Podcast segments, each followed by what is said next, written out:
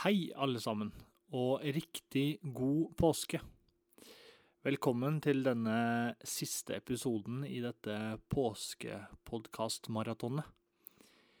I dag så skal vi få høre Guds ord av eh, Martin Lund.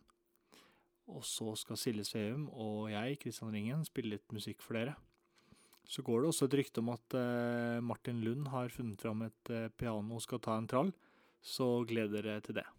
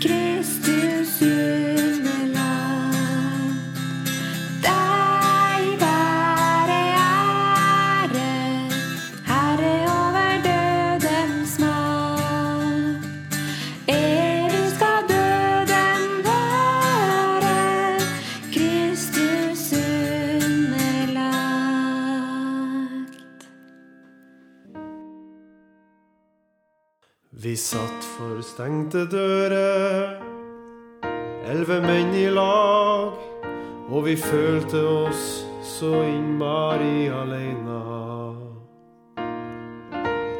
Jesus, han var død nå, ga seg uten slag. Ingen sa et ord, vi satt der som forsteina.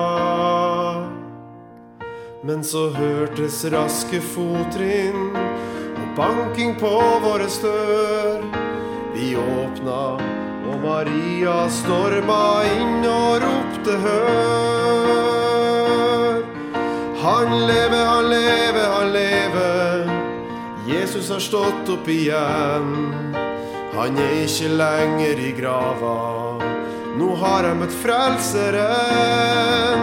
Han lever, og jeg skulle få lov til å gå med beskjed om at Jesus han lever fremdeles i dag. Det er ingen tvil om det.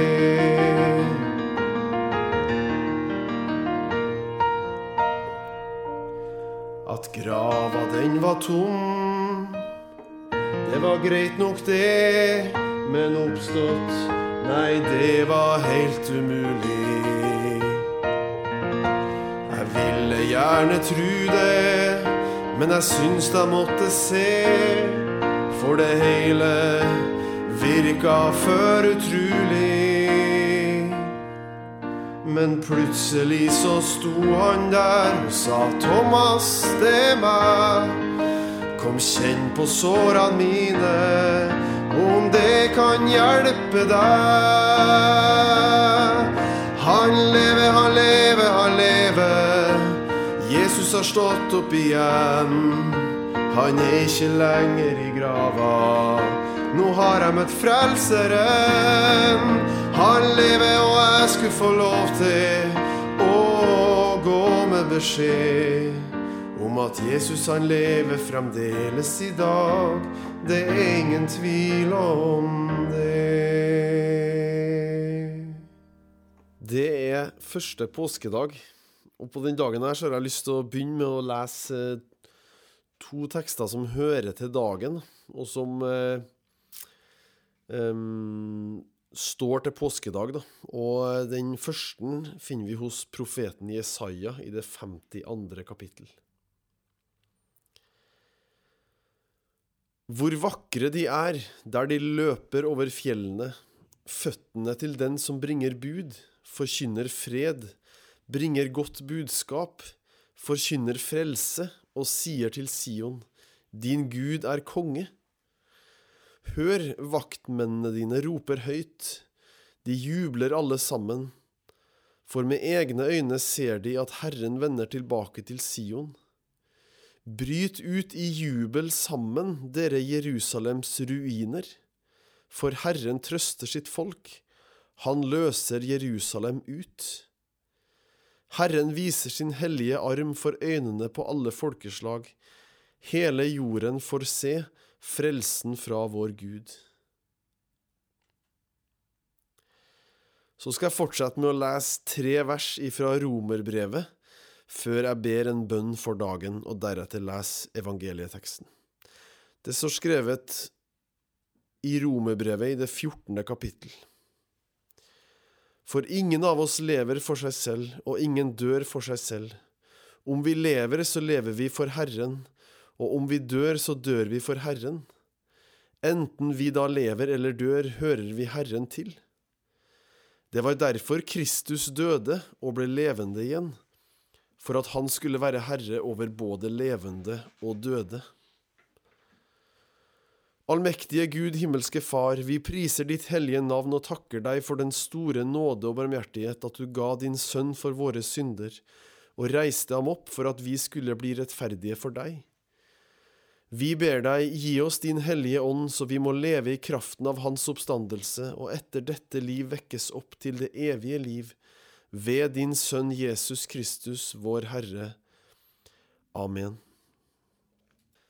Det er påskedag. Vi er samla, som vi er samla nå, da, for å feire at Jesus er stått opp fra de døde. Myndighetene trodde de var kvitt den plagsomme rebellen fra Nasaret etter at han døde på korset. Vennene til Jesus trodde også at det var slutt etter den fatale langfredagen der de mista sin mester og gikk hjem i sorg. Jesus var død nå. Den første dagen endte i fortvilelse. Den andre dagen forløp i stillhetens avmakt, kan vi se for oss. Så kom den tredje dagen. Maria og Maria gikk tidlig til graven. Og vi skal lese fra Matteusevangeliet, det 28. kapittelet. Da sabbaten var over og det begynte å lysne den første dagen i uken, kom Maria Magdalena og den andre Maria for å se til graven. Med ett ble det et kraftig jordskjelv, for en Herrens engel steg ned fra himmelen, gikk fram og rullet steinen til side og satte seg på den. Han var som et lyn å se til, og drakten var hvit som snø. Vaktene skalv av redsel da de så ham, og de ble liggende som døde. Men engelen tok til orde og sa til kvinnene, Frykt ikke, jeg vet at dere leter etter Jesus den korsfestede. Han er ikke her, han er stått opp slik som han sa. Kom og se stedet hvor han lå. Skynd dere av sted og si til disiplene hans, Han er stått opp fra de døde, og han går i forveien for dere til Galilea. Der skal dere få se ham. Nå har jeg sagt dere det. Da skyndte de seg bort fra graven, redde, men jublende glade, og de løp for å fortelle det til disiplene. Og se, Jesus kom mot dem og sa, Vær hilset. De gikk fram og omfavnet føttene hans og tilba ham. Jesus sa til dem, Frykt ikke. Gå og si til mine brødre at de skal dra til Galilea. Der skal de se meg. Slik lyder Herrens ord. Jeg er prest. Sjøl om jeg ikke jobber som det akkurat nå, så er jeg det og vil alltid være det. Og én ting jeg har erfart etter 13-14 år som prest, er at prester preker ganske ofte. Det er en viktig, om ikke den viktigste delen av tjenesten. Om det er en søndagsgudstjeneste, i påska eller ellers i året, eller det er begravelse eller bryllup, så hører det med at presten har en preken. Ja, Også i en del andre sammenhenger kan det være forventa at presten sier noen ord.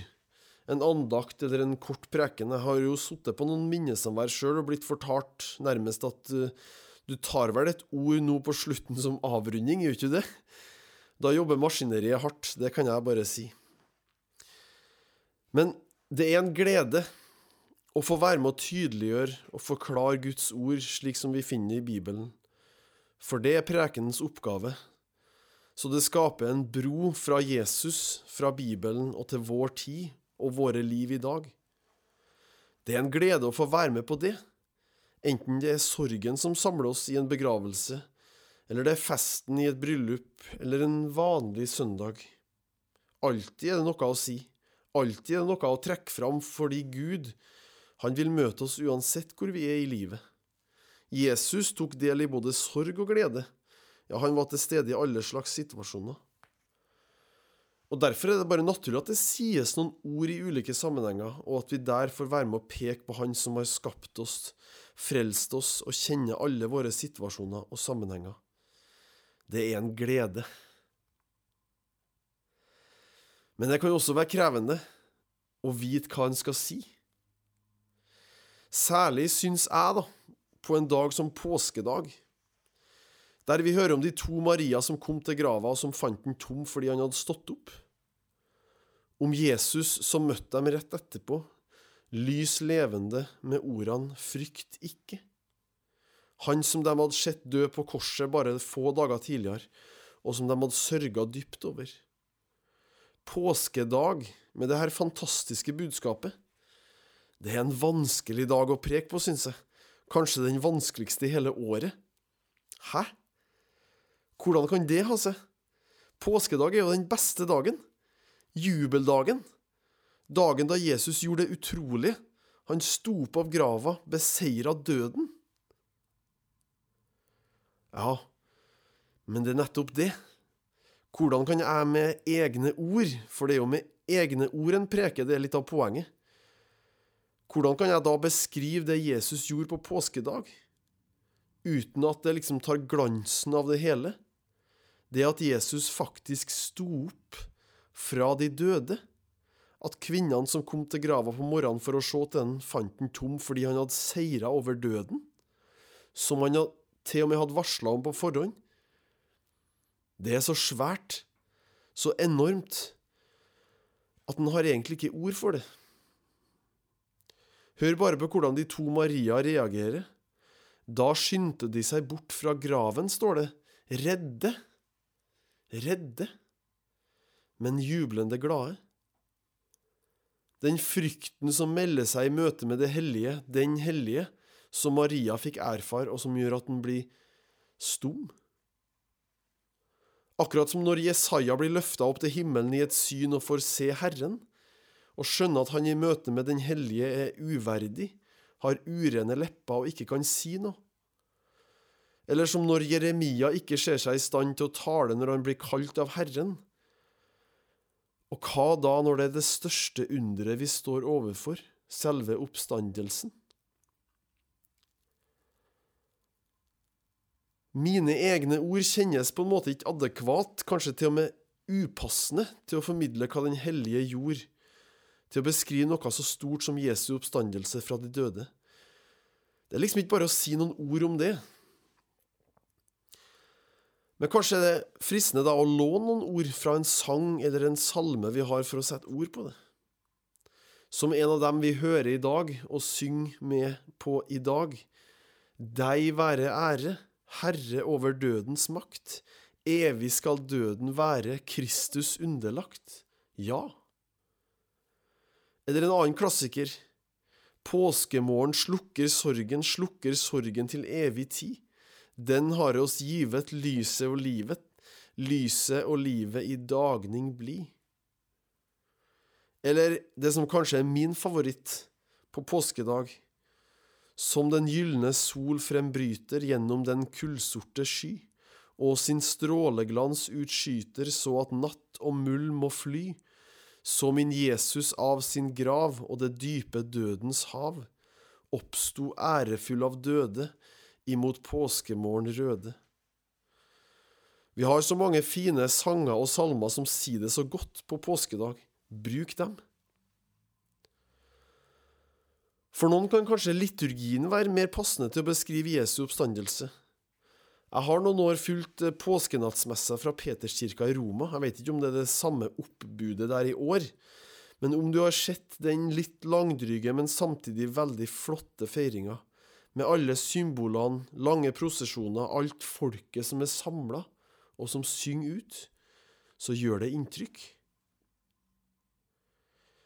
Eller det er kunsten, enten det er billedlige framstillinger av oppstandelsen, den tomme grava, eller kirkebygget som strekker seg oppover, akkurat som Jesus sto opp. Eller det er musikken.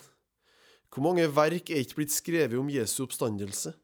Og kan ikke musikken ofte i en helt annen grad enn ordene uttrykke underet? Og så kan alt det her være med å vitne om det han gjorde påskedag da han sto opp fra de døde. Og alt det her salmene, liturgien, kirkene, kunsten, musikken, lovsangen beskriver det opphøyd og høytidelig, på en måte som passer seg for det vi hører om i dag, den tomme grava, han som seira over synden og døden og djevelen, han som lever i dag. Men skal jeg bruke egne ord til å beskrive det Jesus gjorde, så er det ikke så enkelt. Det blir fort litt for hverdagslig om noe som er så lite hverdagslig som det kan bli, som skjedde der og da, den ene gangen. Ja, av og til finner vi bare ikke ordene. Vi blir stående målløs i møte med underet. Eller vi må låne ord fra Bibelen, fra en salme eller et annet uttrykk. For hva er det å si til det Jesus har gjort? Ingenting, egentlig. Vi skal bare få tro på det.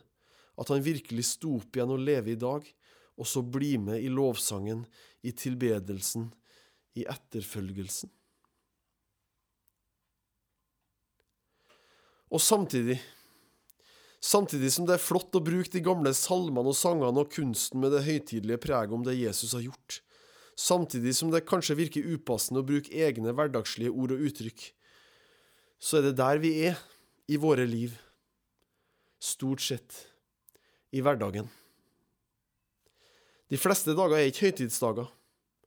På kalenderen er nesten alle dager i løpet av året svart, ikke rød.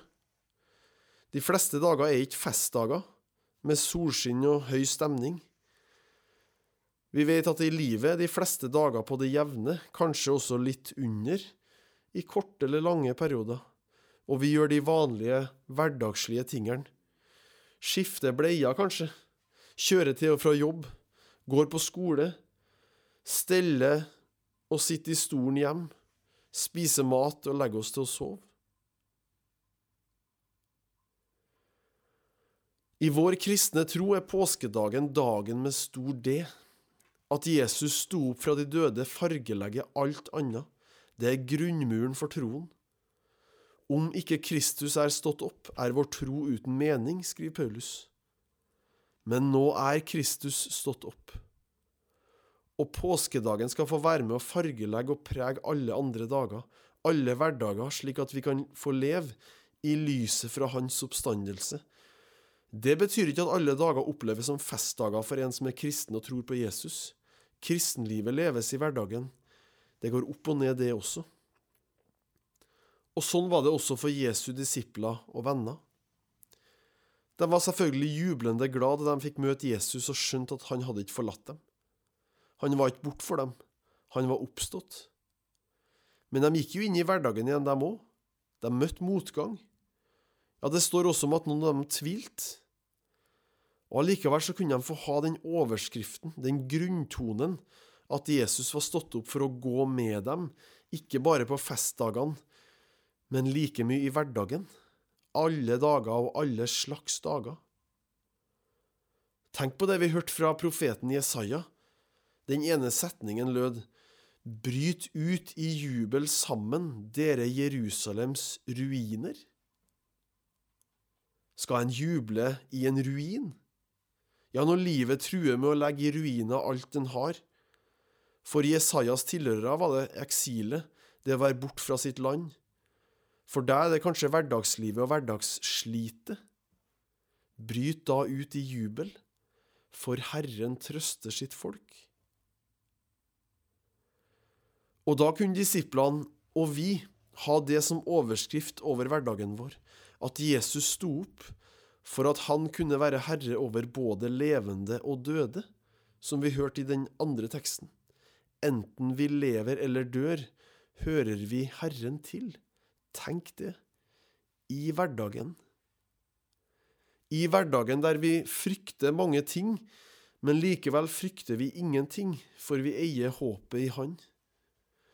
Vi mangler en hel del, men så mangler vi likevel ingenting, for Herren er vår hyrde, og han leder oss enda gjennom dødsskyggens dal. Og derfor er det at de første vitnene til oppstandelsen, de var redde. De kunne bare stumt bevitne at her har den mektige Gud grepet inn, uten å ha passende ord for anledningen. Og samtidig var de jublende glad. Engelen hadde sagt frykt ikke. Jesus sa frykt ikke, og de løp for å fortelle til de andre med sine egne ord. En av disiplene til Jesus, og som fikk høre øyenvitnene fortelle om den tomme grava og møtet med den oppståtte Jesus, det var Thomas. Han kunne ikke bli med på den høystemte feiringa sammen med de andre disiplene etter at begivenheten ble kjent. Han stilte seg tvilende til det hele. Så fikk han møte Jesus sjøl. Det er skrevet en sang om det, en nyere sang med et språk vi kunne ha brukt sjøl i vår hverdag. Og den har jeg lyst til å synge nå. Men først Han lever. Det viktigste er ikke hvilke ord vi velger å bruke om det. Det viktigste er at vi feirer det at han er stått opp. Om vi bruker gamle ord, nye ord, egne ord, lånte ord. Ingen ord, men står der i målløs beundring og tilbedelse. Om du liker å synge en gammel salme, en moderne lovsang, om du blir stille eller bryter ut i jubel. Han har stått opp. Han lever i dag.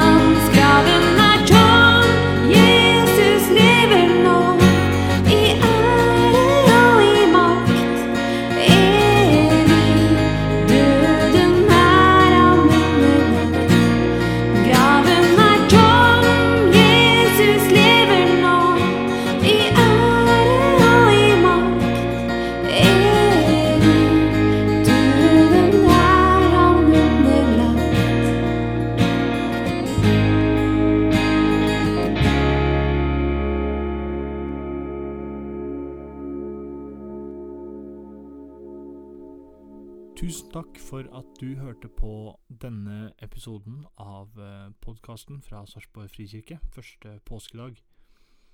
Tusen takk til Martin for et uh, veldig nydelig budskap. Vi er tilbake igjen til eh, søndag. Fram til det så ønsker vi deg en velsigna uke.